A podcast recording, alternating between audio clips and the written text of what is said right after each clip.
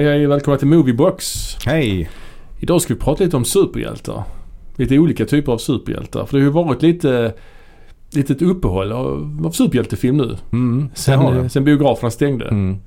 Det har ju varit mycket, alltså det har ju gjorts ganska mycket och det kommer komma ganska mycket ju framöver. Men de har ju blivit framskjutna. Till exempel Wonder Woman har ju, skulle ha gått upp eh, förra året tror jag på bio. Men, Ja. eh, men eh, den har ju blivit framskjuten och framskjuten. Och nu går den väl i USA tror jag. Ja, men den går ju också på HBO Max. Mm. Alla Warner-filmer ska ju komma där. Och den kommer även på HBO Nordic Mm. eh, nu i mars. Just det. Att, eh, och sen har vi Black Widow också. Ja, Black Widow har jag inte sett senast eh, när den ska komma. Men det var ju liksom den stora Marvel-filmen som, Mm. som var härnäst på tur att komma ut. Eh, Men den har de fått skjuta på. Mm. Och de har även spelat in andra filmer. till Eternals till exempel ligger. Ja, och de har spelat in en uppföljare till Venom. Ja, just det. Det är ju inte MCU, Nej, men eh, det är ändå Marvel. ja den ska ju komma i höst någon gång. Vad jag har hört. Jag tror faktiskt att den är framskjuten ännu mer än eh, så att det blir Ja. nog inte ens i år den kommer. Nej, man vet aldrig alltså. Men vi ska prata lite om superhjältar idag alltså. Men innan det så ska vi prata om lite annat.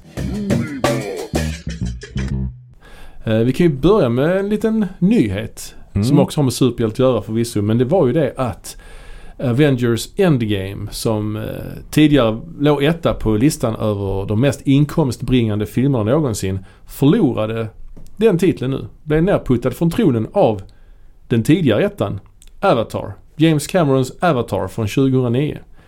Den hade nämligen nypremiär i Kina och eh, lyckades spela in ett antal miljoner dollar som gjorde då att den blev eh, ny etta på listan. Mm. Och det är ju intressant eh, med tanke på att biograferna är stängda nästan i hela världen. Men i Kina verkar det ändå gå bra. Ja, det är lite konstigt faktiskt. Och eh, vi har ju faktiskt nämnt detta tidigare, tidigare avsnitt där vi just spekulerade i detta att Avatar skulle ha någon form av nypremiär. Och därmed ta över listan. Så det är lite kul ju. Nu var det ju inte riktigt eh, så. Vi, vi, sa, vi, vi, vi trodde den skulle ha nypremiär mest för att hypa upp tvåan. Avatar Mm. 2. Så Och blev det det ju inte väl- riktigt. Men är väl ett tag tills tvåan kommer kanske. ja, den lär väl inte komma den här sidan eh, nyåret så att säga. Så den kommer nog nästa år eller nästa igen. Jag vet inte. Precis. Men eh, sen är det ju också om man räknar med eh, adjusted for inflation. Mm. Alltså så är det ju faktiskt fortfarande Gone with the Wind som eh, ligger på första plats. Även worldwide. Worldwide ja. Ja, ja. Det är ja.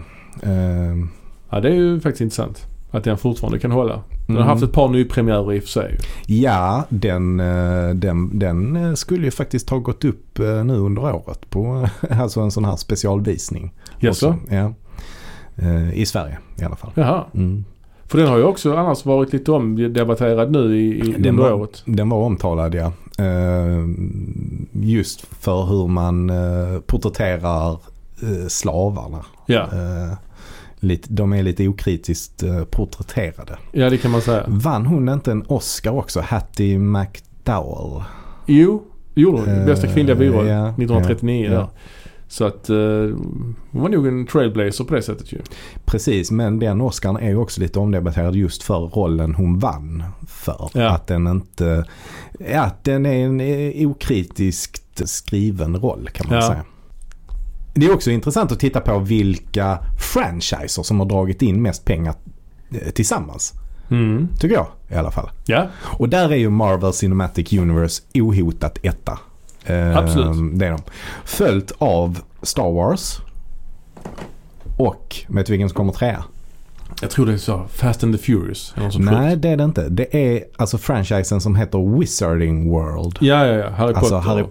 Potters eh, franchise. Den Just det. franchisen är alltså döpt till Wizarding World. Det är lite konstigt. Ja, men det är bara för att de lägger in de här Fantastic Beasts också. Mm, mm. Så att de Precis. har valt att ge det det namnet som ett samlingsnamn. Och sen efter det har vi faktiskt Avengers igen. eh, som en egen franchise. som en egen franchise. Det tycker jag är Bara med Det Avengers-filmerna. är då. orent tycker jag. Det är orent ja. Ja. Så, så de borde man ju liksom räkna in i MCU. Men det, det är de nog i och för sig. Det, jo det är de. De är inräknade i den här eh, stora MCU-franchisen. Men Avengers som en egen franchise, bara de hamnar på fjärde plats. Mm. Eh, ja, och sen eh, Spiderman 5 och James Bond 6 Mm. Det är också en film som är uppskjuten ju. Ja, verkligen. Bond-filmen. Ja. Mm. No time to die. Ja, men på, tal om Oscarsstatyetten då så har ju nomineringarna för årets gala kommit nu här Mm. förleden. Så vi kanske ska prata lite om dem. Ja men det kan vi göra faktiskt. Eh, var det något som eh, du tycker sticker ut lite generellt liksom eller? Eh, Ja, alltså det är ju inte bara jag som tycker det. Men alltså det har ju varit ett speciellt år ju såklart. Det har ju inte varit några direkta biografer som varit öppna. Det har inte varit Mm. mycket i alla fall. Så att det är ju rätt så små filmer som är nominerade. ja, bäst, det är mycket film. indiefilmer som, Ja. har, som bara har gått på festivaler och sånt Ja, känns det som. och ett par Netflix-filmer och så. Mm. Och de har väl också ändrat reglerna för Mhm. vilka som får lov att visas. Alltså tidigare så är det ju att de måste ha gått en vecka på bio för att få lov att tävla. Ja, det var ju svårt i år ju. Mm. Såklart. Så att där har de ju ändrat det. Mm. Bara för Eh, år då antagligen. Ja det tror jag. Ja. Det kommer nog att återgå till... Ja. Eh, Men, men så att med det sagt så kan man ju kanske säga att Oscarsgalan i år inte är lika relevant som om man jämför med till exempel Golden Globes som ju eh, också tar in eh, tv-serier och sånt. Ja, kanske man kan säga. Men det är ju så är det alltid i och för sig. Mm. Men det som gör, apropå att vara irrelevant, har ju också varit det faktum att Oscars juryn har alltid främjat vita Mm. eh, personer. Mm. Och man har ju fått väldigt mycket kritik för det och för att då eh, bemöta den kritiken så har man ju eh, Ja, Mm. Men man, har, man har ju bjudit in fler i den här eh, nomineringskommittén ja. och eh, alltså The Academy.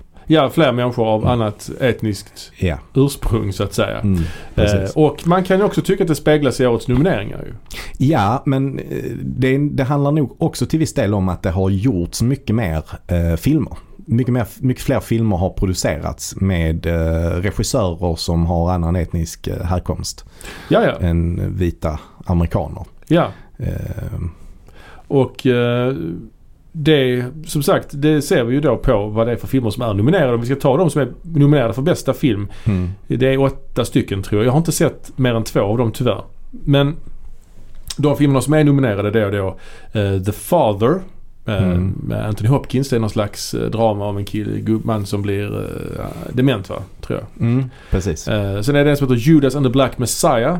Som handlar om Black Panther Movement tror jag. Eh, det är Mank som jag har sett då för den gick på Netflix. Det handlar ju om han som var med och skrev manuset till Citizen Kane. Den Mm. pratat om tidigare. David Fincher. Så har vi Minari som handlar om korean-amerikaner. ja, precis. Med, med Steven Yeun från eh, Walking Dead. Ja, just det. Och sen har vi Nomadland med Frances McDormand. Mm. Som ju är regisserad av en eh, kinesisk kvinna. Kines-amerikan, eller? Ja, men jag tror hon är alltså, eh, alltså hennes nationalitet är kines tror jag. Eh, sen har vi Promising Young Woman. Just det. Och, Som- det, och, och, och Den har du eh, sett, va? Nej, det har jag inte.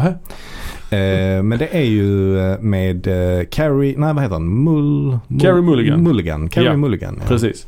Och det är någon slags hämndfilm, kan man säga det? Ja, Ja. lite komisk tror jag. Jaha. Ja, jag har inte sett någonting. Nej, jag har inte sett den. Jag har inte sett en ruta. Nej, Eh, och sen har vi Sound of Metal med Riz Ahmed. just det. Som en, en trummis som börjar förlora hörseln. Mm. Och sen har vi då The Trial of the Chicago Seven. Som, Ja. jag, som jag har sett. Den har Netf- jag också sett. på Netflix. Mm. Som är ett uh, courtroom-drama. Mm. Av uh, Aaron Sorkin. Aaron Sorkin. Och den ja. känns väldigt så här. Den känns väl som den mest, vad ska man säga, konventionella Oscarsfilmen av de här. Ja, och. Mank också. Fast Mank är ändå lite experimentell. I svart, den Ja. svartvit. Det är en annan ljudbild. Man har Ja. jobbat lite med Men det har skett tidigare med till exempel Schindler's list var ju också svartvit. Ja, ja. Och The sådär. Artist. Ja, precis. Ja, jo det händer ju. Och det hände ju hela, hela tiden innan det bara fanns svartvita filmer. Men Ja. jag menar den, Ja, den är ju inte så, eh, det är ingen publikfriande film liksom. Det Nej, handlar om manusförfattaren till Citizen Kane. Det är ju inte, Mm. courtroom-drama känns ju mer Hollywood så att Mm. säga.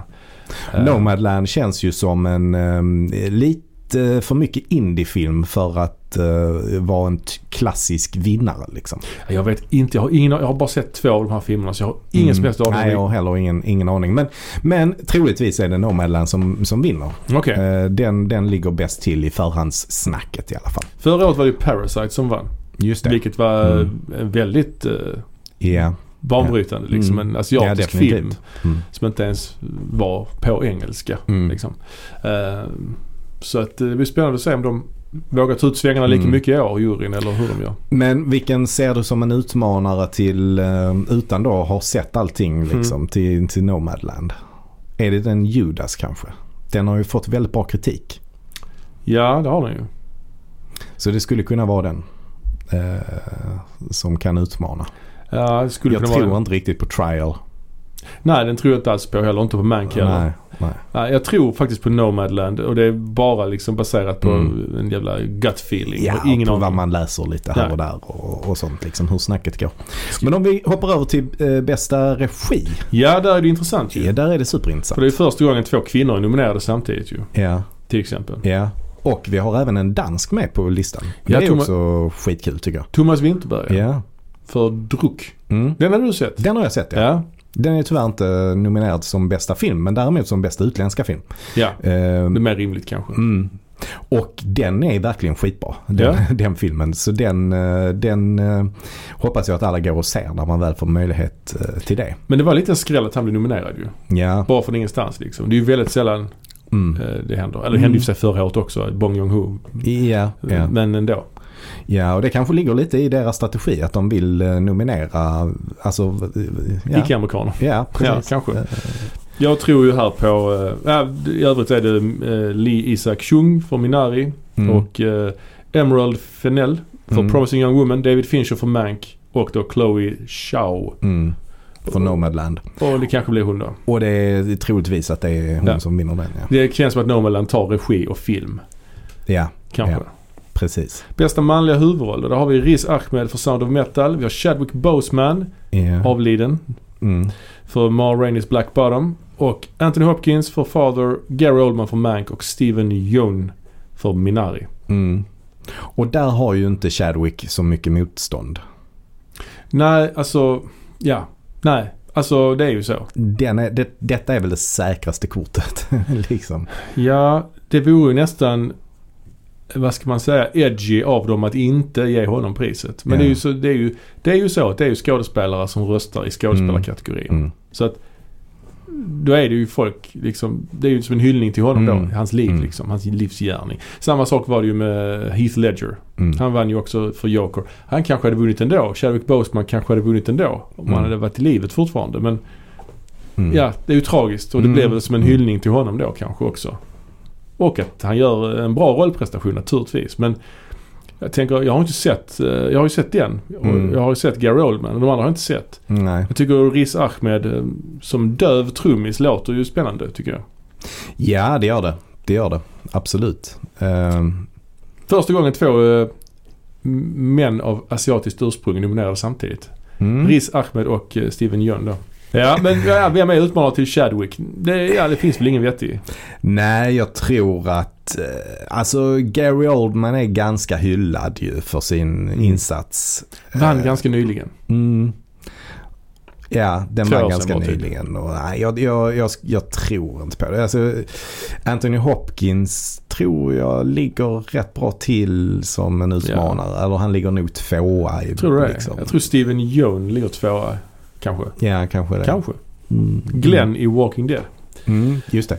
Och så har vi då eh, bästa kvinnliga huvudroll.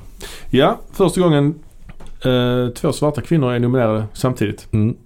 Och då har vi, vi har Viola Davis då för Ma Rainey's Black Bottom. Hon spelar då Mm. titelrollen Ma Rainey då. Ja. Och sen har vi Andra Day som Billie Holiday då Mm. i United States vs Billie Holiday. En film som har fått rätt dålig kritik. Jaså? Mm, den filmen ska inte vara så bra men Nej, nej. hon ska göra en väldigt bra eh, rollprestation. Men, Ah, men filmen i sig ska inte vara så bra. Okej. Nej, sen har vi ju Vanessa Kirby för Pieces of a Woman. Mm. Frances McDormand för Nomadland och Carrie Mulligan för Promising Young Woman. Ja, och den här kategorin tycker jag känns helt öppen faktiskt. Ja, ja. Det här är, det här är jättesvårt. Alltså Andra Day, i och med att filmen inte ska vara så bra så... Ja. Jag vet fasen. Men, men å andra sidan att eh, göra Billie Holiday, att göra eh, liksom Mm. ett porträtt på en sångerska har ju visat sig vara, vara eh, fördelaktigt. Ja. Judy Garland för några år sedan till exempel. Precis. Mm. Eh, eller Renee Zellweger då som spelade Judy Garland. Ja, och eh, vi har ju den här också, eh, Edith Piaf-filmen. La vie Mm. en rose Mm, till exempel. precis, så att, så att det har funkat eh, det har funkat tidigare. Men, men Viola Davis gör ju också en, ett porträtt på en verklig person. Ja, inte lika household. Nej, precis. Verkligen inte. Sen är ju Frances McDormand alltid förhandstippad liksom. Ja, Men hon har ju det- vunnit två gånger tidigare. Det är Ja. sånt man också tar in i beräkningen. Mm. Det var inte så länge sedan hon vann för den här Billboards... eh, nej precis. filmen. precis. Och sen så Vanessa Kirby, den filmen går ju faktiskt att se på Netflix. just det. Eh, men jag har inte hunnit se den faktiskt. Men, men den känns ju som, jag vet inte riktigt, nej, kanske lite, lite svår film tror jag. Ja, okej. Den handlar väl om att hon eh, föder själv hemma. Och så, och så eh, klarar barnet inte sig. Oh. Och så får hon behandla den, eh, liksom hur hon behandlar den sorgarbetet. Oh fan. Ja. Så ganska tungt. Ja, det låter Eh, minst sagt tungt. Ja. Men vet du vilken som eh, odds, oddsen eh, liksom talar för? Alltså på spelbolagens odds. Lägst odds. Mm, precis. Ah, jag skulle nog ta uh, ja, Billie Holiday-filmen. Mm, nej men det är Carey Mulligan faktiskt. Som, Jaså? eh, som har bäst odds för att vinna. Ja, spännande ju. Men alltså sämst odds för att satsa pengar på. Ja, ja, ja precis. Ja. Aha. Men, men eh, ja, som sagt, det, det här är inte alls lika klart som det är i fallet med mm, bästa manliga eh, huvudroll. Mm, Nej, det är det ju inte. Sen har vi bästa manliga biroll då. Då har vi Mm. Sacha Baron Cohen för Trial of Chicago 7. Och det är väl ett utropstecken där tycker jag. Ja, jag tycker inte... Nej, jag fattar Nej, inte riktigt den. Jag hade hellre sett Eddie Redmayne där faktiskt. För jag tycker han gör eh, en rätt bra rollprestation. Kanske. Han, han spelar ju så annorlunda mot hur han är annars tycker jag. Ja, frågan om det är en biroll. Ja, det är frågan. Det verkar vara Verkligen. skitsamma i och för sig. För det kommer vi till nu. Ja. Daniel eh, Kaluuya för Judas and the Black Messiah. Och eh, Leslie Udom Jr för One Night in Miami. Han spelar Sam Cooke där ju. Ja, okej. Ja. Ja. Och sen har vi då Paul Rassi för Sound of Metal. Och då eh, Lakeith Stanfield för Judas and the Black Messiah. Så det är två stycken Judas and the Black Messiah skådisar här. Mm. Och det tycker jag är intressant ju. För Mm. att de här två gubbarna då. De Mm. är ju på, på planschen båda två. Mm. Kan det verkligen, är det rent fysiskt möjligt att två personer är biroll? Mm. Det är märkligt. Så det finns ingen huvudroll i filmen. Det Nej. finns två biroller, båda två är på planschen. Ja. Det är konstigt ju. Jag kan tycka det i till exempel den filmen Trial of uh, the Chicago Sevens. Så där känns det som att alla är biroller på något sätt. Ja, det är en ensemblefilm kanske. Ja. Så ja. Ja. Mm. Fast jag där tänker jag på att Eddie Redman är lite mer huvudroll. Mm. Mm. Uh, Ma Rainey, om vi går tillbaka till bästa kvinnliga huvudroll så tycker jag inte Ma Rainey är en huvudroll. Nej. Det är ju en biroll. Mm. Eh, för att hon, eh, hon är faktiskt bara en biroll. Hon genomgår ingen förändring. Hon är liksom, Mm. det är till hennes utveckling man får följa och så vidare. Eh, ja, det är, väl, det, är väl, det är väl så att man väljer väl det som bolag. Var Jag man vill tror- att skådisen ska ja. bli nominerad. Ja. Jag, några år sedan kommer jag ihåg, vi kan ju ta till exempel den här Last King of Scotland med Mm. Forrest Whitaker som Idi Amin. Han vann ju för bästa manliga huvudroll. Och det är ingen huvudroll heller. Det är också en biroll. Mm. Det är ju han James McAvoy som är huvudroll i den filmen. Eller ett ännu mer känt exempel är Gudfadern med Marlon Brando. Han Mm. vann ju bästa manliga huvudroll men det är ingen huvudroll heller. Mm. Han blir skjuten efter en halvtimme och ligger i koma Ja. typ. Är ju... Men här är det ju då tvärtom. Att de väljer. Ja.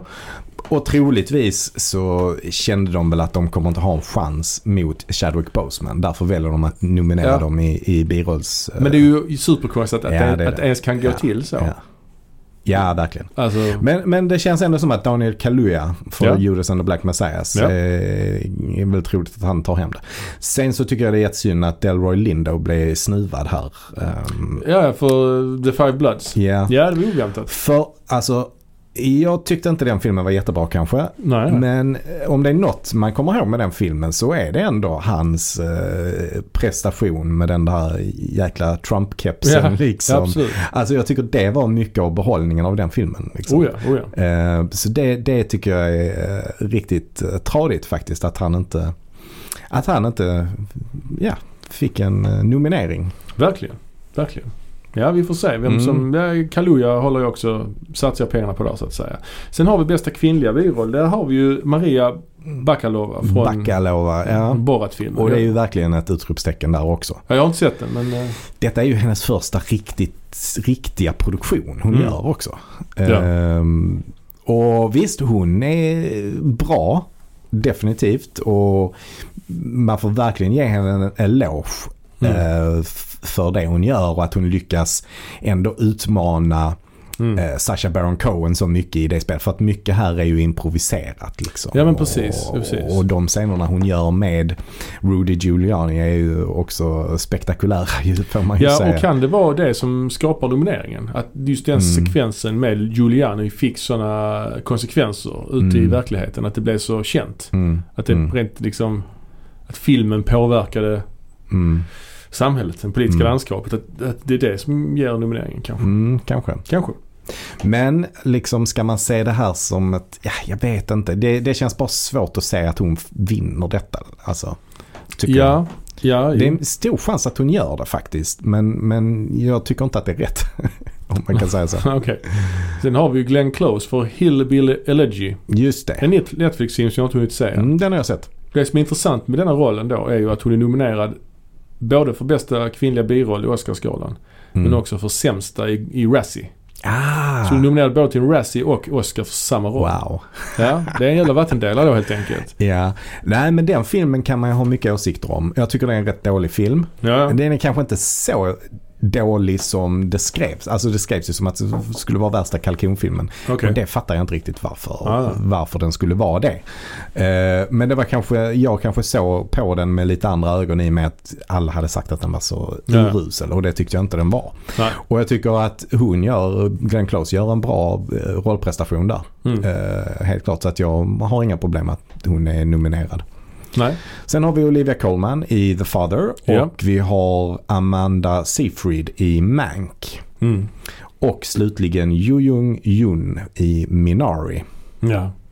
ja. Jag har ju som sagt bara sett Mank här alltså. Så att, eh, men hon är ju bra, Seyfried. där, Alltså. Mm, det är hon. En Absolut. riktig, riktig, hon spelar också en riktig person. Ja, ja. Marion Davis. For what it's worth. Mm. Ehm, ja, bästa animerade film. Mm. Där har vi två Pixar-filmer. Det är Onward och Soul. Just det. Som båda är nominerade. Men vi har också en Netflix-film som heter Over the Moon. Och vi har A Shaun the Sheep Movie. Farmageddon. Och en Apple-film, Wolfwalkers. Ja. Och här har jag sett rätt många faktiskt. Jag har sett tre. Ja, jag har sett, eh, jag har sett tre också. Mm. Jag har sett Over the Moon Mhm. på Netflix. Den har ni fan inte sett. Nej, Men den bra? nej den Nej. tyckte inte jag var eh, Nej. bra alls faktiskt. Den är väldigt så här, väldigt musikalig. Ja, Alltså sött. som Disney-filmer var förr. Okej, okej. Lite. Ja, tråkigt ju. Ja, och vissa Pixar-filmer kan ju fortfarande vara det också. Men, men, eh, men denna, denna går på det temat kan man säga. Uh, Wolfwalkers har jag sett också. Mm. Den, den har också lite som musikalnummer kan man säga. Men det är mycket mer inspelad musik tidigare. Alltså, Ja. alltså det är inte originalmusik på det sättet. Jag gillade Wolfwalkers. Jag gillar den också och den hoppas jag faktiskt vinner. Jag hoppas verkligen den vinner. Jag tycker Mm. både Onward och Soul var väldiga besvikelser. Mm. Eller väldiga, ja men det var... Onward har jag inte sett men, men Soul har jag sett och jag tyckte den var... Den var väl en helt okej film. Lite så. rörig. Lite rörig. Och den, sen tycker jag att den påminner ju om en annan Pixar-film Ja. som... eh, Inside In- Out. Inside Out som Ja. är mycket bättre. Ja, oh ja, Inside Out tycker jag är den bästa de har gjort. Och Mm. det här var en sämre version. Sen Mm. tyckte jag det var trevligt med jazzmusiken och så Mm. liksom. Men nej. Mm. Men, men Wolfwalkers däremot. Eh, det, är ju, det är ju en helt annan typ av film. Helt an, alltså ett helt annat utseende på den filmen. Lite mer Ja. old school. Ja, Och, men jäkligt snygg. ja verkligen. Eh, så den, den gillar jag verkligen jättemycket och hoppas mycket på. Ja. Men oddsen talar ju emot den. Liksom. Ja, det, det blir väl Soul som tar detta. ja, men det är alltid det är tråkigt att Pixar vinner alltid. Liksom, eh, tycker jag. De, eh, de har ju, de sen, alltså det, här, det här priset för bästa animerade featurefilm har ju inte funnits så länge. Det har bara funnits i drygt 20 år. Ja, Och då har ju Pixar vunnit 10 gånger. ja, ja. ja. Eh, och Disney har väl vunnit kanske en tre, fyra gånger något sånt. Liksom. Den Så att- första som vann var väl Spirited Away för mig. Mm, det var det. Och det finns ju vissa sådana som sticker ut lite. Spirited Away sticker ut. Ja. Ehm, Spiderman-filmen för några år sedan. Ehm, Ja, ja, Into the Spider-Verse Mm. ja. Ja, den var ju riktigt fet. Mm. den sticker också ut ju en hel del. Ja, verkligen. Mm. Och sen så, eh, vi behöver, det finns ganska många, Ja, vi kan ta Eh. dokumentärfilm kanske. ja, Där har vi ju ja, Collective, Crip Camp, The Mole Agent, My Octopus Teacher och Time. mm. Jag har bara sett My Octopus Teacher här. Men Mm. den tyckte jag var riktigt bra. ja det Kanske jag också. förra årets bästa film. Ja, Ja, jag vill nästan ja. gå så långt. Ja, ja, men jag gillar den som fan. Så den att, är eh, riktigt bra. Den måste bara vinna. Ja. Sen eh, cinematography tycker jag också är kul att kolla på. Eh, och där tycker jag faktiskt att Tenet borde varit med.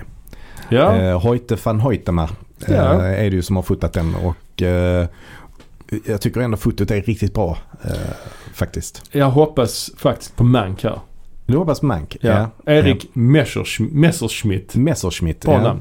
ja, jag tror inte man kunde heta det på riktigt. Nej, men det kan man tydligen. Mm. Men, men ehm, eh, jag har sett News of the World också. Det är den här Tom Hanks-filmen. Det är en cowboyfilm va? Ja, mer eller mindre. Det Ja. kan man väl säga. Ja. Det är inte så mycket pang-pang. Men, Nej, nej, men de har hattar på sig. Ja, det är inte så Ja. mycket vilda västern så. Men, men det, är, det, är, det utspelar sig några år efter inbördeskriget. Okej. Eh, Mm. Det är riktigt snyggt foto faktiskt. Eh, Det är det bästa med den filmen tycker jag. Ja, okej. Eh, Och där är det ju Darius Wolski som eh, har fotat den. Ja. Ehm, Mm.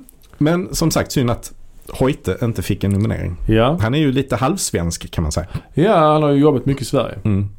Okej, ska vi då prata lite superhjältar istället då? Ja, tillbaks till superhjältarna. Det är, det är gött. Lite mer vår hemmaplan kanske. ja, precis. Ja, som vi sa i början av programmet så är det ju så att uh, superhjältefilmen har ju haft ett litet break. Ja, det, har det. det får man ju säga. Eh, hela genren har legat på paus under coronapandemin. Och, men nu har den återupptagits igen. Och eh, Marvel då har ju istället för att eh, ha sin storstilade återkomst på bio så har det istället blivit genom Disney Plus, deras streamingtjänst då. Och det har blivit serien WandaVision som blev liksom Marvels återkomst. Den första Marvel-produktionen på nästan två år blir Mm. det väl. Och det här är ju en ganska, vad ska man säga, ganska smal, lite experimentell Ja, Marvel-produktion kan man väl ja säga. det är det. det är inget publikfrieri direkt i början ju. Nej. Och Ja, den land, både ja och nej Ja, kanske ja, man kan kanske. säga. Det känns som att den tilltalar lite grann en annan målgrupp också.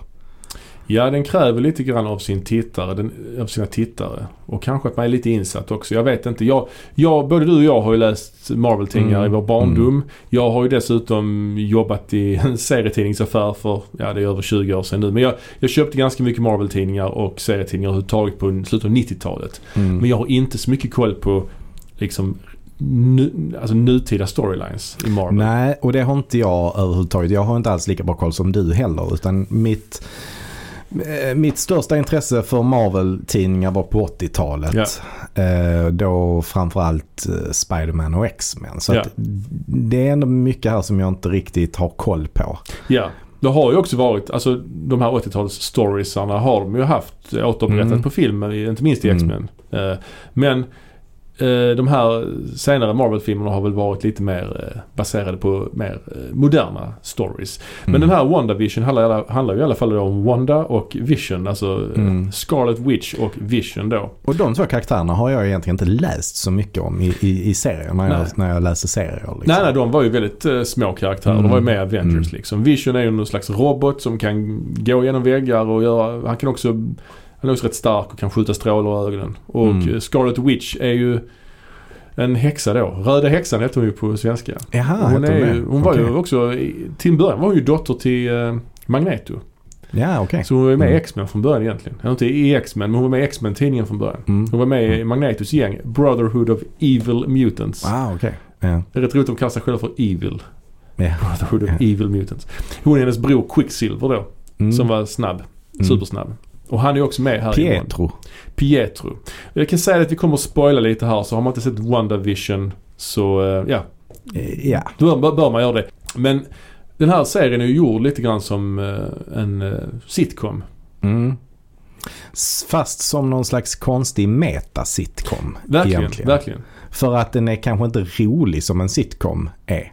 Nej men där är pålagda skratt och så vidare. Ja, ja, och den är ju faktiskt inspelad inför publik också. Precis som man gjorde med sitcoms förr i tiden. Ja, så, ja det visste jag Ja. inte. Ja. Nej, alltså de tidiga avsnitten. Mm. För, det, för det är ju så att i, i det första avsnittet så utspelar sig då är, då är den här sitcomen gjord som att det var en 50-tals sitcom. Ja, med, med de, alltså till exempel de här Dick Van Dyke Show och Ja, sådana ja. som de har haft som förebild. Och det är kanske inget man är jag är inte så bekant med det. Jag har aldrig Nej, nej. sett det för det har nog inte gått så mycket på svensk Nej, TV. fast man fattar ju ändå grejen så Ja, det gör man. Ja. Men då är det faktiskt inspelat med eh, Ah, live, eh, livepublik. eh, Och där när hon använder sina krafter där att få saker och ting att flyga så är det ju Mm. väldigt eh, liksom Analogt gjort. analogt liksom Mm. Gjort ju. Med, Mm. med vilje Mm. då såklart. Typ att det är en, hänger i trådar liksom. Mm. Nej men det är ingen CGI alls tror jag. Utan det, de har hängt allting i sådana fisketrådar och som de Precis. drar i. De hade sådana marionettspelare Ja. liksom, som Och- drog i grejerna. Mm. Och sen avsnitt två var väl 60-tal och sen Ja, är det där, 70-tal. kände man, där kände jag i alla fall igen lite Ja. mer. Så här I Dream of Genie till Ja. exempel. Ja, just det, just det. den, den såg jag i alla fall när Är det med Larry Hagman? ja, Ja, just det. Larry Hagman, Ja.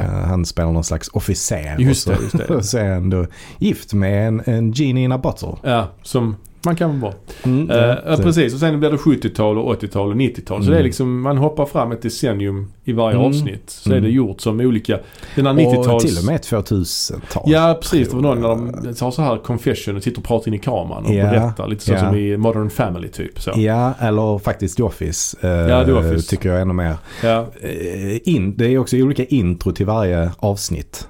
Ja, jag kommer ihåg intro Ja. till den är ju verkligen en kopia på Office. Ja, ja, ja, eh, introt. Eh, Ja men det, det, ja, det, är, det är kul. jag tycker det är jätteroligt. Och sen redan i första avsnittet så anar man ju oråd. Att det är, Mm. det är den här eh, 50-tals eh, idyllen men det är, bubblar ju någonting under ytan. Det är Mm. någon sekvens där de bjuder hem chefen på middag. Mm. Och, och någon sätter i halsen. Och då, när det händer så ändrar man ju bildspråket helt ju. Mm. Börjar klippa in på närbilder och ta bort alla eh, skratt och sånt. Och det blir Ja, liksom något skruvat, något läskigt Ja. liksom. Att det är någonting som inte riktigt stämmer. Mm. Likadant på Visions jobb att han får Mm. konstiga meddelanden i datorn och så vidare. Mm. Mm. Eh, och, och sen fattar man ju att det är något annat liksom. Att det är Mm. någonting som händer. Sen klipp... Hon hittar ju också en sån här helikopter eller en drönare. Just det. Som är i färg. Allting annat är svartvitt men just, Just. den är i färg. Ja, Och just det, det. det får man ingen riktig förklaring till. Så att det, det, är väldigt, eh, det är väldigt meta och det är Mm. väldigt otydligt vart den här storyn är på, på väg någonstans. Verkligen. Och man får ha tålamod. Mm. Det får man ju. För det är ju, de två första avsnitten är ju som två sitcom-avsnitt med vissa avvikelser. Ja. Sen ja. blir det mer och mer att man börjar titta på vad som händer utanför den här stan där de bor Mm. i. Mm. Och så vidare. Jag tycker det är... Jag tyckte det var väldigt bra alltså. Jag, jag måste Mm. säga det. Jag blev... eh, Ja, jag blev... eh, Vad ska jag säga? Det blev, jag blev positivt, positivt överraskad. Det var liksom ett tag sedan man såg Marvel överhuvudtaget. Mm. Eh, Men jag tycker att de, den här var rolig, ett roligt sätt för dem att Mm. göra comeback. Ja, jag tyckte det var kul att kolla på det, absolut. Ja. Men, men däremot var jag inte helt engagerad i det.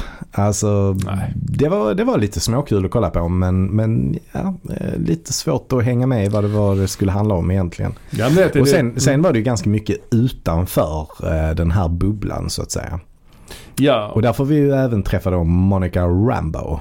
precis. Känd från Captain Marvel-filmen bland annat. Ja. Och där, där är precis, man får reda på sen att Wanda har ju då egentligen skapat hela den här eh, sitcom-världen Mm. med sin magi och det är en hel stad som hon har förtrollat. Och utanför den här stan så är liksom någon eh, myndighet som heter SWORD som bevakar detta. Ska försöka Mm. ta sig in i den här, eh, ja det är som en slags dom runt hela stan ju. Som man har sett i andra, Mm. Till exempel The Dome-serien. eller Simpsons-filmen.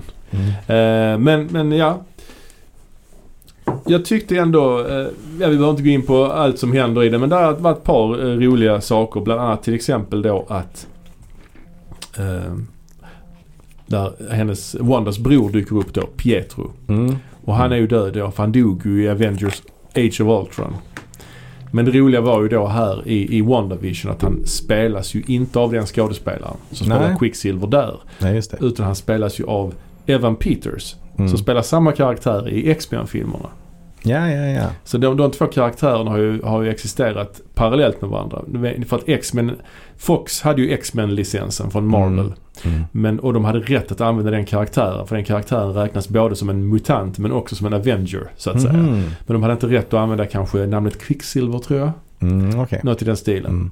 Men här då istället så var nu... Eller tvärtom kanske. För jag vet inte om han äh, kallas Quicksilver så mycket i Avengers. Ja, det kanske var tvärtom då. Men, Mm. men oavsett så har ju sedan Disney köpt Fox eh, filmdivision och då fått Mm. tillbaks X-Men-licensen på det hållet. Ja, ja. ja. Och nu har ju då, och, ehm, och då hade de, har de, gjorde de så, lite så roligt att han spelade Mm. eh, den karaktären här. Och då Mm. säger de också, de, de kommenterar för de här agenterna utanför den här byn ser ju på den här, det här tv-programmet och Ja, säger my god, she recast Pietro. ja. Så det var väldigt meta. Men det är ändå fortfarande att de kallar honom Pietro, inte Quicksilver. Ja, Pietro är ju hans eh, namn. Quicksilver är hans superhjältenamn så Mm. Ja, säga. precis. Ja. Det var just det jag menade. Liksom. Just Ja. den termen Quicksilver vet jag inte om den används så mycket i, Nej, det har de i gjort. MCU. Nej, det har de kanske inte gjort i och för sig. Men det var rätt roligt för sen i avsnittet efteråt så Mm. i resumén där så fick man ju se en scen ifrån Age of Ultron när han Pietro dör. Ja, och då ja. var det ju den andra Ja. skådisen. Ja, just det. Så att de verkligen spelar rätt mycket på det. Mm. Det är kul ju. Mm. Ja, men det är kul. Och sen var också lite så hälsningar. Det är något halloween-avsnitt där de har på sig halloween-kostymer som ser ut som seriefigurernas Mm. kostymer från 80-talet. Ja, liksom. det. det är Ja, mycket ja. sånt kul. Ja, det var kul. Det var kul. Och jag tycker Elisabeth Olsen som Mm. spelar Wanda är riktigt bra alltså. Mm. Mm. hon spelar liksom 50-tals Wanda, sen 60-tals Wanda. Att det, Mm. Alltså det är en Mm. stark prestation måste jag säga. Ja, och särskilt längre fram i serien. Ja, För den blir ju också allt mörkare kan man väl säga. Och det framgår ju i slutändan att det här är någon slags eh, Ja, det handlar ju om psykisk ohälsa och att Mm, hon ja. eh, lider väldigt mycket av att ha förlorat eh, sina nära och kära och att det här är hennes sorgearbete. ja men precis. Ehm, Så att den blir, ju, den blir ju mörk och mer allvarlig ju längre fram det går. Förutom i slutet då. Förutom i slutet Ja. när den här häxan kommer. Ja, vi, vi avslöjar så att ja, vi behöver inte spoila för mycket. Men det, det blir en uppgörelse i slutet i alla fall. Som, Ja. Som blir väldigt mer generisk Marvel. Att de slår sönder en stad och flyger omkring och slåss. Ja. Det är ju Och underhållande i sig på ett sätt. Ja, men, och där tappar jag det lite liksom. Ja. För att häxor och sånt, det är inte, jag tycker Ja, inte det så- passar så bra in i Marvel. Nej, men jag gillar ändå att de äntligen gav henne, att man äntligen fick höra det här namnet Scarlet Witch. Ja, Sånt Ja. kan jag uppskatta när man liksom gör hälsningar till den förlagen. Mm, För de mm. har inte nämnt det innan i någon av filmerna eller någonting. Så det kom först nu liksom. mm. Så, ja, och det kan jag köpa absolut. Mm. Namnet har jag inga större problem med. Nej. Men det är mer hela den här, eh, med, där är ju en då som heter Agatha Harkness. Ja. Eh, som är en häxa. Ja. Alltså, då. Och det, det tycker jag är inte, ja, Ja, jag är gillar inte- inte det jättemycket. ja, det är inte jättetungt så att säga. Nej, nej. Men eh, lite kul hur hon, hur hon introduceras. Att man Ja, får det se lite en sån intro till henne liksom. Agatha Harkness. Ja. En liten låt till det. Sånt ledmotiv. ja. Ah, ja. ja jag, jag vet inte. Jag, jag, jag blev, eller så, jag, jag, jag är nöjd med detta. Jag tyckte det var en bra serie. Uh, tyckte det var ett intressant eh, form, alltså ett intressant st- stilgrepp och, Mm, och mm. formexperiment eller vad man ska säga. Jag tycker det är, jag tycker det är bra att Marvel vågar ta ut svängarna lite faktiskt. Mm, det tycker jag också. Det håller jag med. Och eh, jag vet inte om det blir fler säsonger Fler säsonger det tror är jag kanske inte. inte, troligt. Men Tror inte. däremot så kommer det komma fler serier. Och Ja. eh, redan nu så har ju Falcon and the Winter Soldier eh, haft premiär. Just eh, det. Som man kan börja kolla på. Och den, den, den är ju annorlunda. Den är ju mer actionorienterad. Och, men ändå fortfarande med ett mörker i sig. Mm, mm. Ehm, Lite så här psykisk ohälsa där också ju. mm, det är det. Ja. The Winter Soldier då till exempel, mycket handlar ju om hans botgöring. Han har ju en väldig så, ångest över vad han har gjort tidigare i sitt liv. Ja, han har varit eh, kontrollerad av de här Hydra väl. Han har Mm. utfört olika lönnmord och så vidare. Ja. Ja, precis.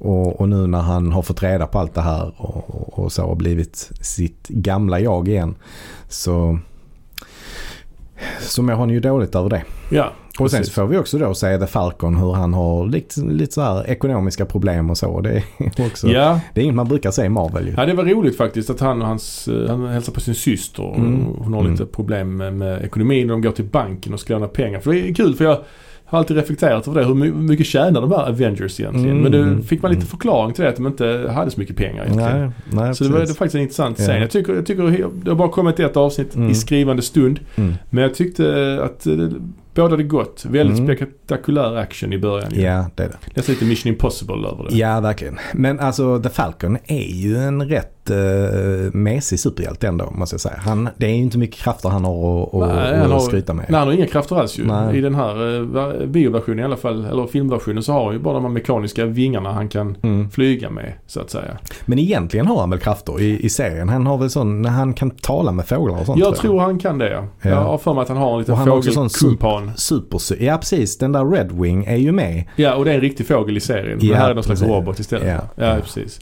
Ja. Och Winter Soldier, det är ju han Bucky, Captain Americas gamla Ja, partner då, som har blivit alterna- vad heter det, ombyggd med Mm. cyborg-armar och grejer. Eller en Mm. arm i alla fall. Men det bådar gott Mm. och eh, de kommer som sagt att eh, ge ut fler Mm. serier vad det lider. Så att eh, det Marvel har kommit tillbaks. Och om vi tittar på det andra stora seriehuset. DC. Just det. Så har ju de dels som vi sa i början av avsnittet Wonder Woman 1984 kommer komma på HBO nu här ju. Eh, Den skulle egentligen gått på bio men den har ju inte gjort det i Sverige. Men en annan lite mer intressant eh, film är ju då Zack Snyders Justice League. Ja. Snyder Cut. The Snyder Cut ja. Det var ju så att filmen Justice League gick upp på biograferna 2017 va? Mm. Den eh, hade en... den eh, kostade ju svinmycket pengar. De, de Mm. snackade ju först alltså att de skulle göra två filmer. Mm. Men eh, det fick de inte göra utan de skulle bara göra en film. Mm. Och bolaget tvingade dem att göra filmen. Den fick inte liksom vara längre än två timmar lång. Så det är rätt så kort ju. Två, två timmars film där man ska introducera ganska många nya karaktärer. Om man jämför med Marvel då som då har alla karaktärerna haft egna filmer innan Avengers. Ja. Här är det ju ändå Aquaman och Flash och Cyborg som ska introduceras. Mm. Batman har varit med lite grann och Superman har haft en egen film. Wonder Woman också. Men i övrigt icke så. Ehm, och den här filmen kommer kosta alltså 300 miljoner dollar. Okej. Alltså ja. typ är de dyraste filmer som någonsin har gjorts. Mm. Och den spelade endast in, endast in ungefär 700 miljoner dollar. Ja. Vilket då är en förlust egentligen. För det, Mm. det är ju fler kostnader än bara själva... Ja, precis. Alltså liksom. det är ju det att inspelningsbudgeten ska ju täckas och sen så tar ju då biograferna hälften av intäkterna ju. Ja. Och sen så ska det ju dessutom läggas på en massa marknadsföringskostnader Ja. också. Eh, ja, så att eh, det blir en förlust på den här då. Och Justice League är ju DC's Avengers kan man ju säga. Ja, det kan man säga. Eh, De är ju äldre än eh, Avengers naturligtvis. Men, Men eh, problemen med det här börjar ju liksom längre tillbaka egentligen. Och det är ju att DC, de har ju aldrig haft en tydlig linje med vad de vill göra. nej, kanske inte det. Om man jämför med MCU Ja, ja. så har man ju haft en tydlig ledare där, Kevin Feige, som, Mm. Som ju ändå har hållit samman alla filmerna. Ja, här gav man väl lite grann det uppdraget till Zack Snyder. Fast han var ju bara regissör, inte producent. Så han hade ju inte total kontroll liksom. nej. Ehm, och dessutom så började man ju ännu tidigare också med eh, den här eh, Green Lantern. Ja, ja, visst. Som sen bara gavs upp för att det blev en så pass dålig film. Ja, exakt, Alltså. exakt. Nej, precis. Sen försökte man reboota det med Man of Steel va. Ja. Och sen Batman vs Superman. Mm. Ganska, mm, Och där byter man också ut eh, Batman mot en ny eh, skådespelare ju. Alltså den, den förra som spelar Batman byts ut.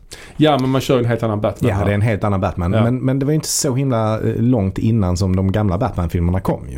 Nej, nej, det är bara några Ehm, år emellan ju ja. de här Nolans trilogi. Absolut. Ja, absolut. precis. Eh, så det blir ju också lite flummigt att bara helt plötsligt få in en helt ny Batman där. Ja, visst. Jo, på ett sätt. Ehm, Det blir det ju. mm, Men här, den här Batman som, som i Snyders version är ju mycket mer alltså serietidnings-Batman. Ja. Inte så eh, gritty och realistisk kanske. nej. Men jag bara tänker rent ekonomiskt, bara jämför med Marvel. Också Mm. du sa att Marvel har haft en plan hela tiden. Alltså den här eh, Justice League som sagt spelar in 700 miljoner dollar. Eh, alltså det, det är ju då eh, Jämfört med de två senaste Avengers som spelade in över 2 miljarder dollar var. Mm. Och de Mm. två andra då, Avengers, spelade in en och en halv miljard. Mm. Så det är ju en jävla Mm, skillnad. Ja, det är en jävla skillnad. Men, men eh, problemen eh, de hopade sig i alla fall. Men så bestämde man sig, bestämde man sig ju då för att Zack Snyder skulle styra skutan. Ja. Men det som hände var ju då att hans dotter eh, tog livet av sig. Ja, Och eh, då hoppade han av eh, inspelningen av eh, Justice League. ja och ja, det är en fruktansvärd tragedi naturligtvis. Mm. Det går ju inte att liksom, föreställa sig. Men hela filmen var inspelad då i stort Mm. sett. Nästan Mm. hela filmen var inspelad när han hoppade av. Men man valde då att ta hjälp av Joss Whedon som då hade gjort de två första Avengers-filmerna. Mm. För att hålla på hjälpa till med klippningen sen då. Mm. För Snyder var inte kapabel att jobba liksom naturligtvis. Nej, nej. Men då beslutar sig Whedon då att spela in extremt mycket nytt ju. Ja, Så att därav den höga budgeten då. För det var ju reshoots som var... Alltså så här mycket reshoots har väl aldrig gjorts någonsin tror jag. nej. Eh, Och det blev ju plus då kombination med att man spelar in nya delar. Merparten av filmen spelas in på nytt. Samtidigt som bolaget inte vill ha en film som är längre än två timmar. Mm. Mm. Det är svårt alltså. ja, Det är ett det problem. Ja, ja. Eh, mm, så att eh, det blev ju, eh, alltså varken, den gick varken bra på bio eller Nej. blev särskilt populär bland fansen. Nej, det är en, en annan... Ett, en annan rolig grej eller så. Mm. Sjuk grej är ju det här med Henry Cavill som spelar Stålmannen ju. Att han, han hade ju... Han skulle ju spela in nya scener. Men då hade han redan börjat spela in en ny film, Mission Impossible. Där han hade mustasch. Han vägrade raka av sig mustaschen. Han fick väl inte raka av sig mustaschen tror jag. Ja, oh, jag vet inte hur det var. Ja, jag hörde någonstans att han, han skulle få lov att raka av sig mustaschen för då Mission Impossible bolaget. Men då hade Ja. de varit tvungna att betala 3 miljoner dollar. Ah, okej. Så istället för att raka av mustaschen så har de då liksom datoranimerat bort mustaschen. Ah, Så okej. det ser ut som Superman har någon jättelik liksom grov portion in, Ja, inkörd. det ser så jäkla ja, det är så tosigt ja, alltså. Ja. ja, men det var det Joss Whedon bestämde sig för i alla fall. Att han skulle tvunget ha ett sånt intro med Stålmannen där i början. Ja, precis. Och, och, eh, och sen, ja, man ändrade tonen ganska mycket ju Mm. i filmen. Eh, och ja, det blev en flopp som Mm. sagt. Och Mm. sen ett tag senare så började rykten florera om att det fanns en annan version av filmen. Den här som Zack Snyder då hade tänkt från början. Att den Mm. fanns, det Snyder Cut. Och det blev liksom en kampanj, en gräsrotsrörelse. Att eh, release the Snyder Cut. Eh, och eh, det är ju intressant ju. Alltså det, det är ju... Sånt är ju intressant. Och det var Ja, ingen som trodde att den någonsin skulle komma ju. Nej, nej, det var bara något som ryktades om. Ja. Så det var inget man trodde på. Men, eh, men det visade sig att det gjorde det till slut. Ja, det, det fanns ju en version men sen Snyder behövde ju då ehm, Han behövde ju spela in eh, lite nytt material dock Mm. för att få ihop sin film. Så då fick han 70 miljoner dollar Till. eh, för att kunna komplettera, filma kompletterande sc- scener för att han vill ju inte ha med någonting av Whedons material. Nej. Whedon nej. var för övrigt något av ett as på inspelningen förstod det som. Mm, det har framkommit nu i Ja. efterhand. Ja, Eh, det har framkommit grejer både om inspelningen på den här men även i hans tidigare karriär när han gjorde Buffy och sånt där. Ja, ja, ja. Ja, precis ja. Men i alla fall 70 miljoner till och det betyder att den här filmen nästan kostar 400 miljoner dollar. Det är rätt så mycket pengar. Ja, ja det, är, det är galet. Det är Det supermycket pengar. ja, det är sjukt. Men det är i alla fall ändå en eloge till Warner som gav med sig efter den här kampanjen att okej vi släpper The Snyder Cut. Här Ja. är 70 miljoner så du kan göra den. Eh, men det är också ett smart dra- drag ju. Mm. För mm. dels det, så som klimatet är idag med HBO Max då som ska locka folk till sin tjänst. Det är ju content ju. Mm. Det är ju ändå en, en, något som lockar ju. Plus då också att man kan se det som kanske ett sätt att få liv i DC-universumet. För det har ändå somnat av lite grann. Alltså efter Justice League som blev en flopp. Då, då hoppar väl Henry Cavill av som Superman tror jag. Och även Batman, alltså Ben Affleck har ju hoppat av. Mm. Så att eh, hoppet till DC har ju stått till eh, Wonder Woman och Mm. Aquaman. De två filmerna gick väl rätt så bra. men- Ja, de gick jättebra. Wonder Woman gick jättebra ju. Ja, och Aquaman ännu mer Mm. tror jag. Men just den här samlande styrkan, alltså det här som Marvel har att allting hänger ihop. Det kändes ju inte som det hängde ihop längre. Nej, men det är fortfarande problematiskt för sen kommer ju Joker-filmen. Ja, men den räknas väl inte till DC Nej. EU? Men det är ju fortfarande en ja. DC-film. Ja, det är ju, det är ju Alltså, precis. Och nu kommer ju The Batman snart också ju. ja, precis. Med han, eh, Pattinson. Ja, och är det DC EU? det tror jag inte. Jag tror Nej. det är snarare mer Joker. Kanske. Ja, Ja, det så- vet vi inte. Nej, det vet vi inte riktigt. Men, men det, det känns dumt att de håller på och gör en massa parallella filmer med samma karaktärer. Ja, detta har vi pratat om i vårt DC-avsnitt för massa år sedan. Men, eller massa år sedan var det inte, men ett par år sedan. Mm. Ja, lite, lite Mm. länge sedan. Men där, de har ju också ett TV-universum ju. Ja, Där det dessutom finns karaktärer just det. som The Flash till exempel. Han är ju med Mm. där också. Ja, ja. Och Stålmannen och Supergirl Ja. och... Cyborg. Mm. Han är väl med i menar Doom inte. Patrol tror jag. Ja, nej. Jag tror det. Ja, okej. Ja. Mm. Ehm, men i alla fall, det blev ändå ett sätt nu att skapa intresse för DC igen på något sätt. Mm. Alltså man blev lite sugen på att se det här, ju, det här spektaklet liksom. Mm. Och där var ju mycket, för att jag kommer ihåg när jag såg vanliga versionen så att säga, Whedon Cut, Justice League. Justice League. Uh, trailern till den filmen. Ja. Där var ju många sekvenser i trailern som inte var med i filmen sen. Det är i och för sig inte så jävla ovanligt. Det, Ja. Sånt händer ju. ja. Men alla de sekvenserna är ju med då i Snyder Cut. Ja, ja. Mm. Vi kommer alltså att spoila den här filmen så att, eh, var beredda på det. Eh, det som man först slås av när man kollar på den här filmen är ju att den är 4.3. Ja, Inte 16.9. och det är lite udda. Ja det är det ju. Det är det. Men tydligen gjorde Zack Snyder det för att han ville optimera det för IMAX-biografer. Ja, jag har hört det också. Mm. Men det är också, ja det var det. Är Ja. det så viktigt IMAX? Eh, inte i Sverige. Det finns ju knappt Nej, några. IMAX-biografer i Nej, Sverige. exakt. Men, men eh, på andra ställen så är det väl en stor grej tror jag. Jag Ja. har aldrig varit på en, eh, Nej. en sån biograf så jag vet inte. Räknas Cosmonova? Nej, jag Nej. tror inte det. Nej. Alltså jo, det är nog en IMAX. Alltså de visar i det formatet men Ja. de visar väl inte alltså Hollywood-produktioner. Ja, de visar inte. väl bara sådana naturfilmer Ja, kanske det kanske. Eller? Jag vet. Jag kanske har fel. Det, dessutom så ska han ju också släppa en svartvit version tydligen. Ja, så. Ja, tydligen vill han att den ska vara svartvit också. Jaha. Det är ju jättekonstigt. Ja, det... Ja. Ja, Mm. men annars så tycker jag... En annan stor skillnad man också slås av är ju att den är indelad i sex kapitel. Ja. Som då heter Don't Count On It Batman. Sen har vi The Age of Heroes. Kapitel 3 Beloved Mother, Beloved Son. 4 Change Machine. Och 5 All the King's Horses. Och 6 Something Darker. Var det inte så en epilog också va? Tror jag. Som heter någonting med Father och någonting. Ja, det var det kanske. Ja, och det- det är ju... Vad ska man kalla... Vad ska man... Vad, vad tyckte du om det då? Eh, det gav mig ingenting. Och att Nej. de var i 4-3 och att de skriver ut det. Det här var Zack Snyders original creative vision. Alltså, Mm. ja, nej. Det är väl inget som förbättrar det. Alltså jag har ingen, jag har Nej. ingen sån tjock-tv så att jag... Jag kan tycka det är lite kul när man läser sån text i början. Men det, Ja. den här filmen är så pass ny. Zack Snyder är ändå en aktuell filmskapare. Mm. Jag hade tyckt det var roligare om det varit liksom Michael Ciminus sex Mm. timmars version av Heaven's Gate. Så som man ville att den skulle vara egentligen. ja. Innan han blev... Ja, ja men så. Men jag, kan, jag, vet inte, jag kan gilla det. det apropå, men apropå det här med längden. Alltså det är ju fyra timmar lång film detta. Mm. Nästan fyra timmar Mm. lång. Men, men det hjälper liksom inte att göra den längre eller att klippa om den. För man kan liksom inte klippa sig runt problemen som den här filmen har. Ja, inte helt jag. och hållet. Alltså för de stora problemen är ju ändå att Flash, Cyborg och Aquaman, de Mm. kommer ju från ingenstans. Man har ju inte, som i Marvel har man ju gjort filmer med alla karaktärer innan man Jo. gör en Avengers-film. Jo. Det har man inte gjort här. Eh, Så det innebär att då måste man ju introducera alla de här karaktärerna. Och Ja, i vissa fall gör man det och i vissa fall skiter man i det helt och hållet.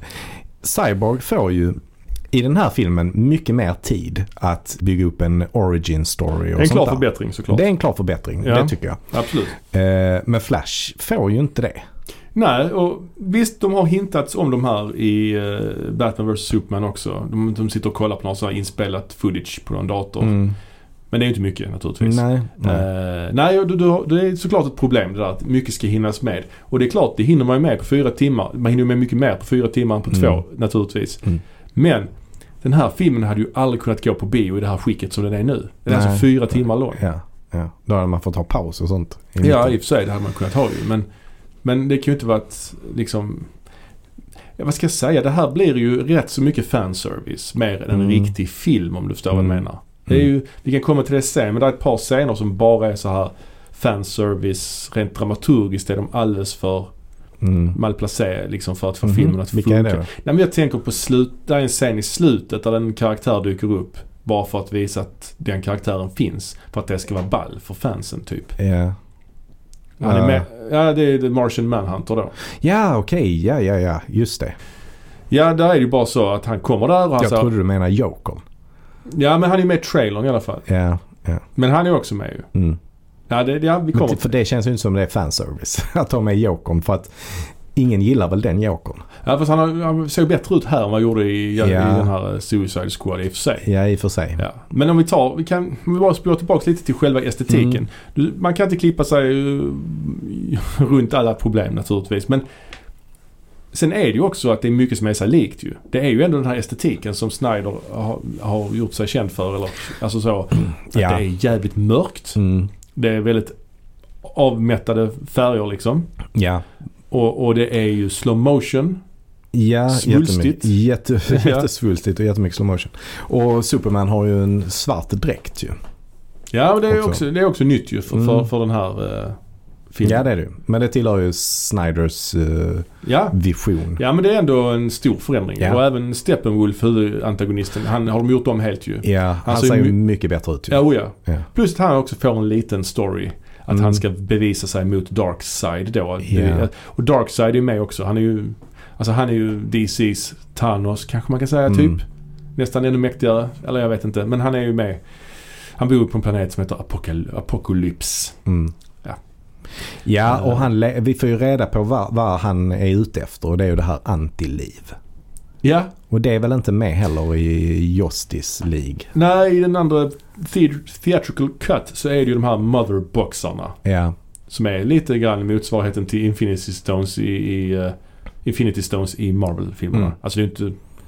Det är, ja, det är inte samma sak men det är samma McGuffin. Typ. ja det är det. Det är De har ju i förändrat rätt princip mycket. samma sak. De har ju förändrat rätt mycket också ju. Alltså Mm. för mig i Jo- i Joss Whedon så är ju en av de här boxarna bara nergrävd i, i skogen. Mm. Det är ju också helt... Här är det ju Ja. lite bättre i alla fall. Lite Ja, bättre bevakat ja, så att säga. Eh, men ena, det största problemet tycker jag med den här filmen Mm. är ju att det är så jävla mycket green screen. Mm. Att det känns så livlöst Mm. hela Mm. tiden. Mm. Alltså det är nästan så att man, man reagerar ju verkligen på att Dels reagerar man på oh den här scenen utspelar sig under dagstid. Det är Mm. dagsljus. Men också att oh den här scenen är inspelad på riktig plats. Mm. Den är inte inspelad i en studio med green screen. Typ så ju. Mm. Mm. Man reagerar ju verkligen på Ja, det. ja, men absolut. Ja, det Och det är ju... eh, ja det är ju, det är, det är ju en nackdel såklart. Det är det ju. mm. ja, definitivt. Det, det är det ju. Men där är ju som sagt mycket, mycket som är tillagt naturligtvis. Jag tror det är fyra timmar lång. Fyra timmar lång. Ja. Eh, som sagt Darkside överhuvudtaget att han är med är ju, det är ju rätt så coolt ju. Ja, det är det. det. Det gillar jag också. Det, det är bra. Jag gillar som sagt att, att hur utseendet är på, på um, Steppenwolf. Steppenwolf. Då. Ja, Sen det, kän- känns det som att den är väldigt lik Avengers-filmerna. Den tar ju mycket från Avengers. ja. Eh, om man tittar på de olika karaktärerna så är de ju nästan kopior. Alltså, Ja fast de har gjort om vissa av dem. Om vi jämför med Mm. Justice, Justice League. Alltså där var ju Aquaman mycket mer, som Så- Thor. ja lite mer så, ja precis, lite mer gladlynt liksom. Ja. Det har ju blivit mindre humor överlag kan Mm, man säga det i, i, den, i den nya katten. Ja. Ja, eh, någon som fortfarande har kvar, alltså det är ju Flash. Han är ju the comic relief. Fast inte så mycket som i den andra. Nej, där är han skämtar den hela tiden alltså. Ja, den Rätt är- påfrestande skådespeleri kan jag tycka överhuvudtaget från honom faktiskt. ja. Fast bättre Ja. i denna ändå. Här är ju en ny scen och det är ju när han ska eh, söka Mhm. ett jobb som sån här, att han ska gå ut med hundar. just det, just det. Dagmatte eller någonting sånt. Just. Daghusse. Ehm, och, och där är det ju rätt mycket comedy får man väl säga. Ja, i, den, i den scenen. Ja. Och det är också väldigt extremt likt hur de gör alltså Quicksilver superkrafter Ja det är det ju. med, med Flash superkrafter. Det är klart de har ju Samma. samma Ja. krafter ju. Mm. Men man hade kanske kunnat visualisera det på lite olika sätt. Här känns det som att det verkligen är Ja, exakt likadant. de ja där när han flyttar, eh, när han fångar hans batarang till exempel. Och Ja. plockar ner Eller han puttar till Wonder Womans svärd så det flyger tillbaks, flyger in i hennes hand och så. Ja, ja. Ja, det- I det- Avengers är det ju en scen där eh, Quicksilver, i Age of Ultron då, Mm. där Quicksilver springer och så ser han eh, Thors hammare komma flygande Mm. i slow motion då, är super slow motion. Så tar han tag i hammaren och bara följer han med hammaren istället. Alltså han, Ja, ja, eh, Ja, jag tänker framförallt på Quicksilver i X-Men-filmerna där han ska, mm, han ska förhindra eh, det här eh, de skjuter med kulor och han Ja. bara sta- stannar tiden typ och ändrar kulans riktning och sånt. Alltså det är ja, mycket ja, sånt ju. Ja. Ja, en annan känd eh, franchise som jag tycker det påminner lite grann om är ju Lord of the Rings faktiskt. Ja, okej. Mm. Det är ju det här att de ska samla ihop det här brödraskapet typ för Mm. att Ja, förgöra det. motherboxarna. Mm. Men det är också den här flashbacken där Darkseid när Darkseid var på jorden första gången och blev besegrad. Just Det det. påminner skitmycket om öppningen i första Sagan om ringen med Sauron. När Ja. alverna och dvärgarna och alla förenas. Mm. Det är ju samma sak här med Atlantis och Amazonerna förenas och lite Green Lanterns och sånt också med. Mm. Mm. Så det, det är ju väldigt likt alltså. Mm. Ja, det är det ju. Definitivt. Sen dessutom med musiken till filmen. Har de Mm. det är ju Danny Elfman gjorde ju Joss Whedon. Här har de ju då tagit hjälp av eh, Tom Holkenborg. Jaha, Och det låter ju som en hobbit.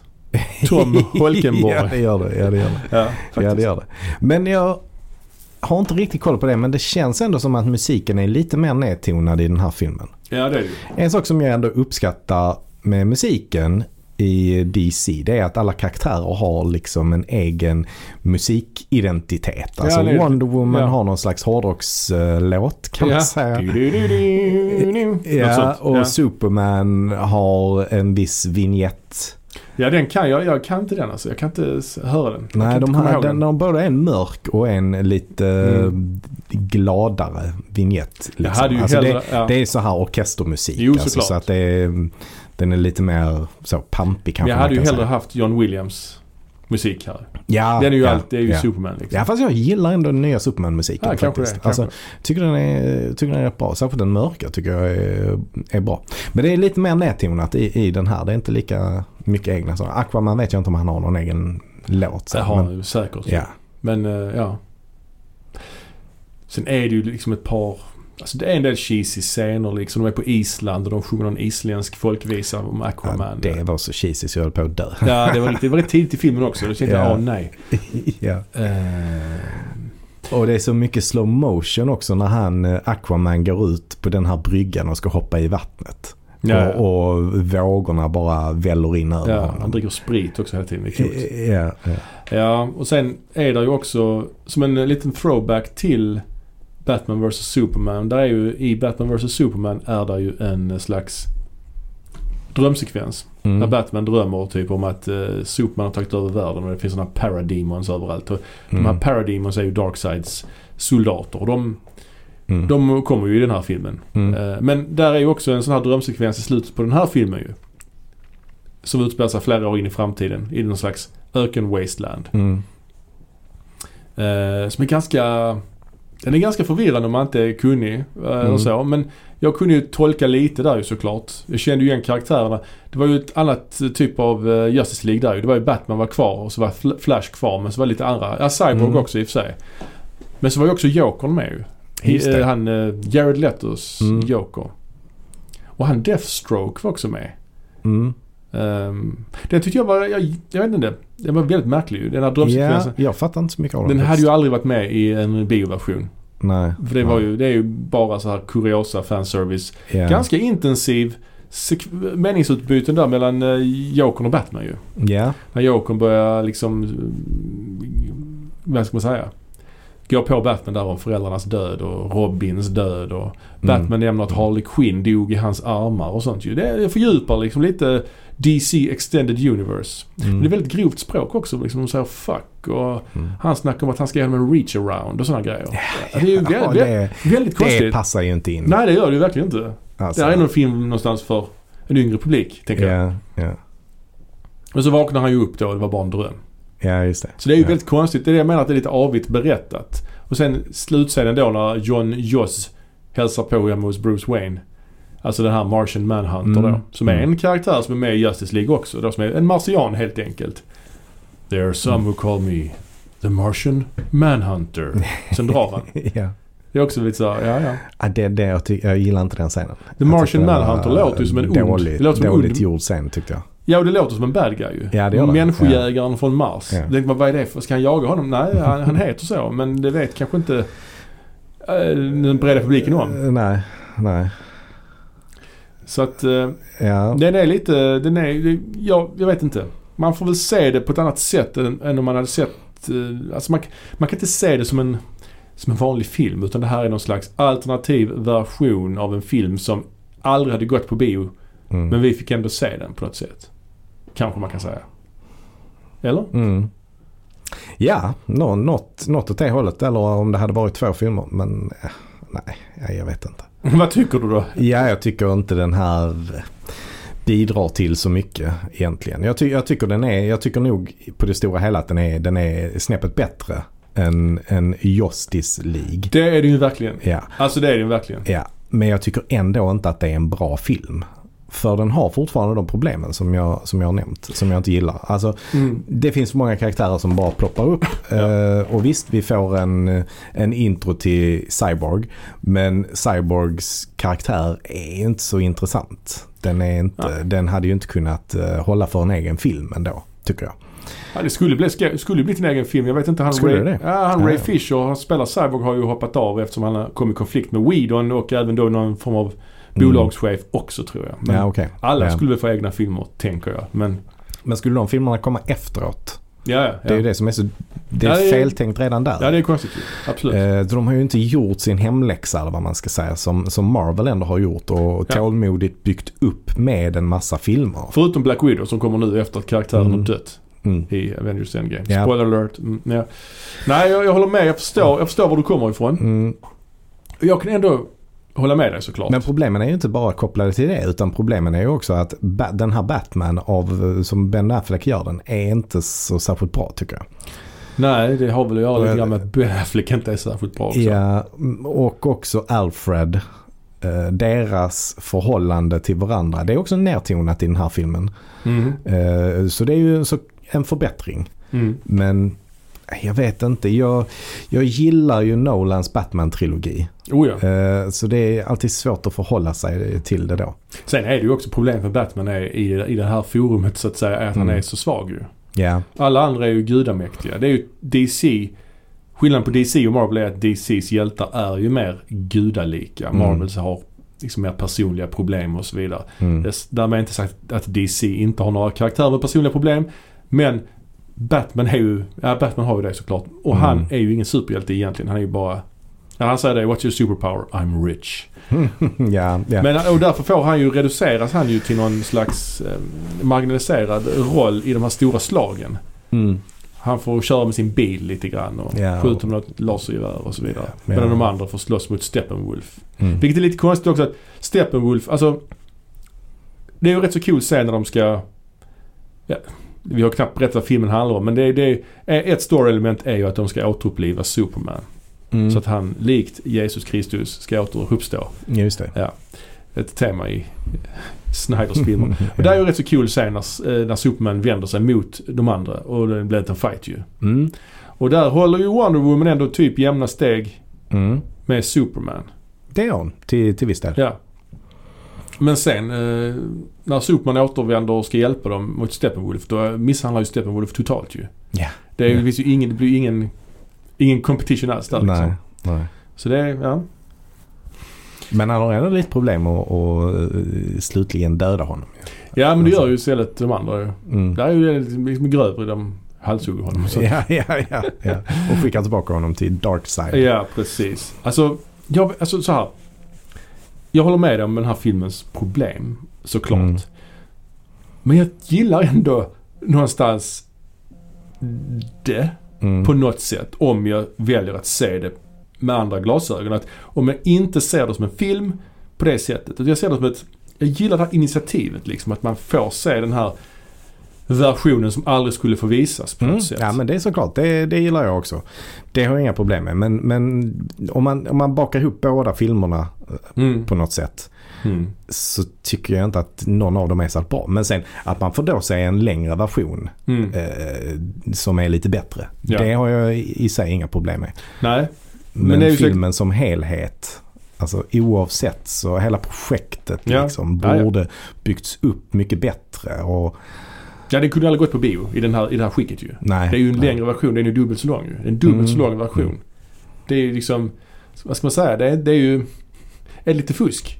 Alltså att, Ja, ja, alltså att göra en director's cut som är dubbelt så lång. Då är det liksom en helt annan film egentligen. Då är det ju inte att man förbättrar. Alltså nu är det ju, Mm. nu är ju, har den här produktionen sett ut som den gjort. Men om man jämför med till exempel Coppola Apocalypse Now. Han gjorde ju den här Mm. Redux. Den var ju 53 minuter längre. Det är också jävligt mycket liksom. Mm. Men där var ju långa sekvenser som var borttagna. Nej men alltså det, det är väl inget som jag funderar så mycket på om den hade kunnat gå på bio eller inte. Liksom. För det är ju rätt så irrelevant i, i det här läget. Nej men jag menar en, en Director's Cut om vi tar Blade Runner. De, de tog bort voiceovern, de ändrar lite i slutet, de ändrar lite grann. Den kanske är lite, skiljer lite i några minuter i längd liksom. Ja.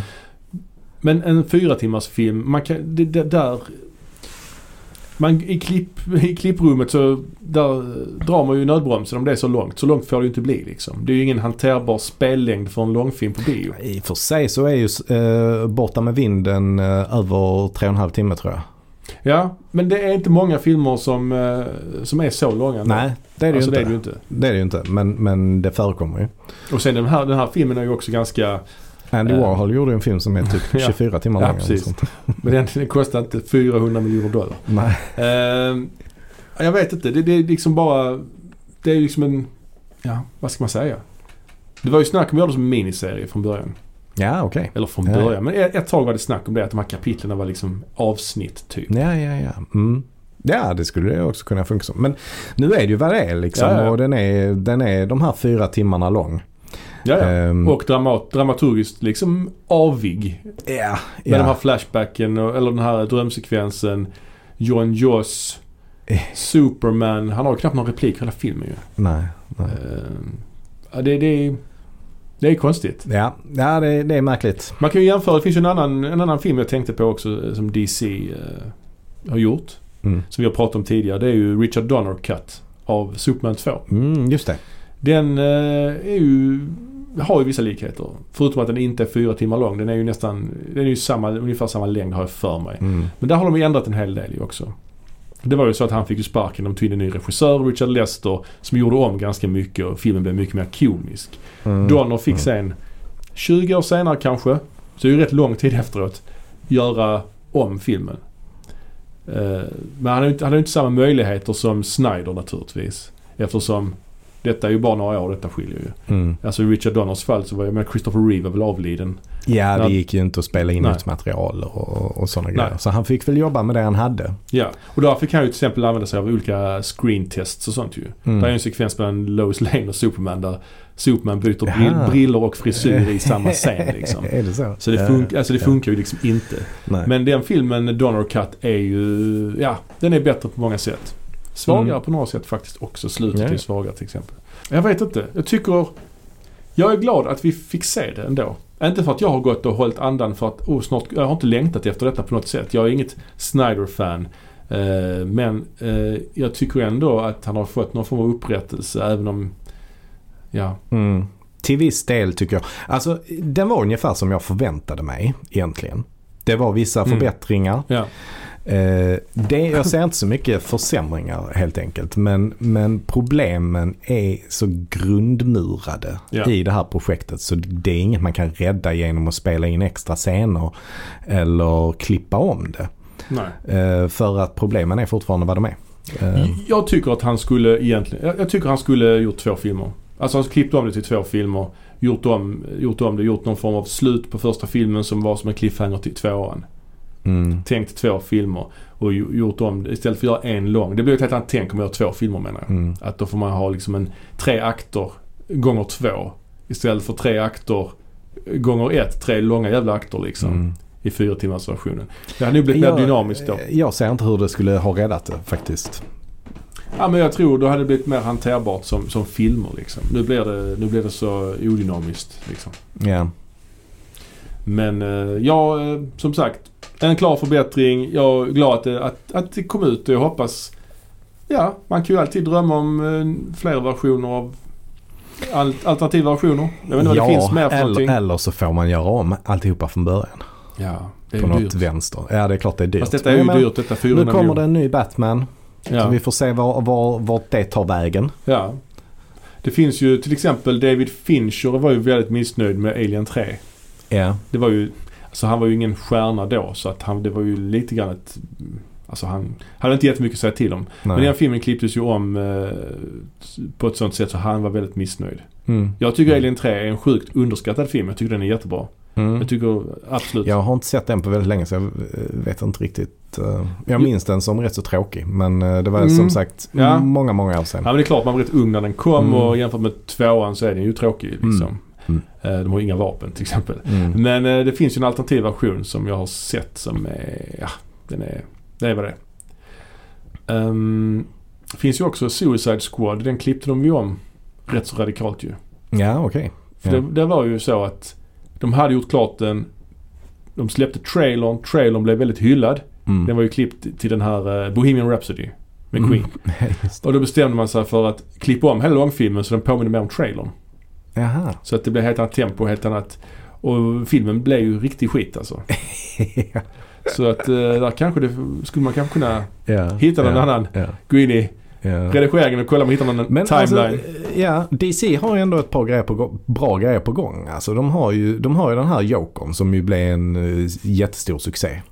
Ja men på gång, ja jag vet inte, det kommer, kommer det komma fler där tror Ja, jag. det, det vet vi inte riktigt Joaquin vad som Phoenix händer. känns inte franchise-kompatibel. Nej, det gör han ju förvisso inte. Nej. Ehm, Men man startade ju ändå upp någonting där och det är Ja. ändå, ja, jag vet inte, de borde kanske spinna vidare på det lite mer. Mm, kanske. Och nu med den nya Batman-filmen som jag inte alls vet vad den kommer att handla om. Men Ja, där skulle ju jättemånga vara med också. Jag är lite orolig för det. Där är så Pingvinen, Gåtan. Paul Ja, Dano okej. spelar väl Gåtan jag för mig. jaha, Och hon Zoe Kravitz ska vara Catwoman tror jag. Ja, ja. Och då han, eh, vad heter han? Colin Farrell som Pingvinen tror jag. Jaså, alltså han var pingvinen. Ja. Så det är rätt mycket. Det är säkert fler. Jag, alltså det är fler Han gjorde ju. Bullseye i den här Daredevil-filmen med. Ben Affleck. Ja, gud ja. Det är kul att man återanvänder gamla Ja, Marvel. ehm, ja, de, Ben Affleck är ju Batman nu och har varit Daredevil tidigare. ja, ja just det. Ja, har ni fyra timmar över? Så kanske man kan välja att lägga den på, dem, lägga den på den filmen eller ska man göra något annat med sin tid. Men Mm. Man ser inte den i en- sittning i alla fall. Jag gjorde inte det. Det gör jag i och för sig sällan sen jag fick barn. Jag kan inte säga 90 minuters film i en sittning heller nästan. Ja, fan. Nej, Vad är, eh, vad är max? eh, 20 minuter. Nej, jag vet inte. Ja, ni har hört på Moviebox. Eh, ja, följ oss på Insta och Facebook och mejla oss om ni vill. Ja, och Ja. ha det gött. Ha det gott. Hej. Sa vi hej.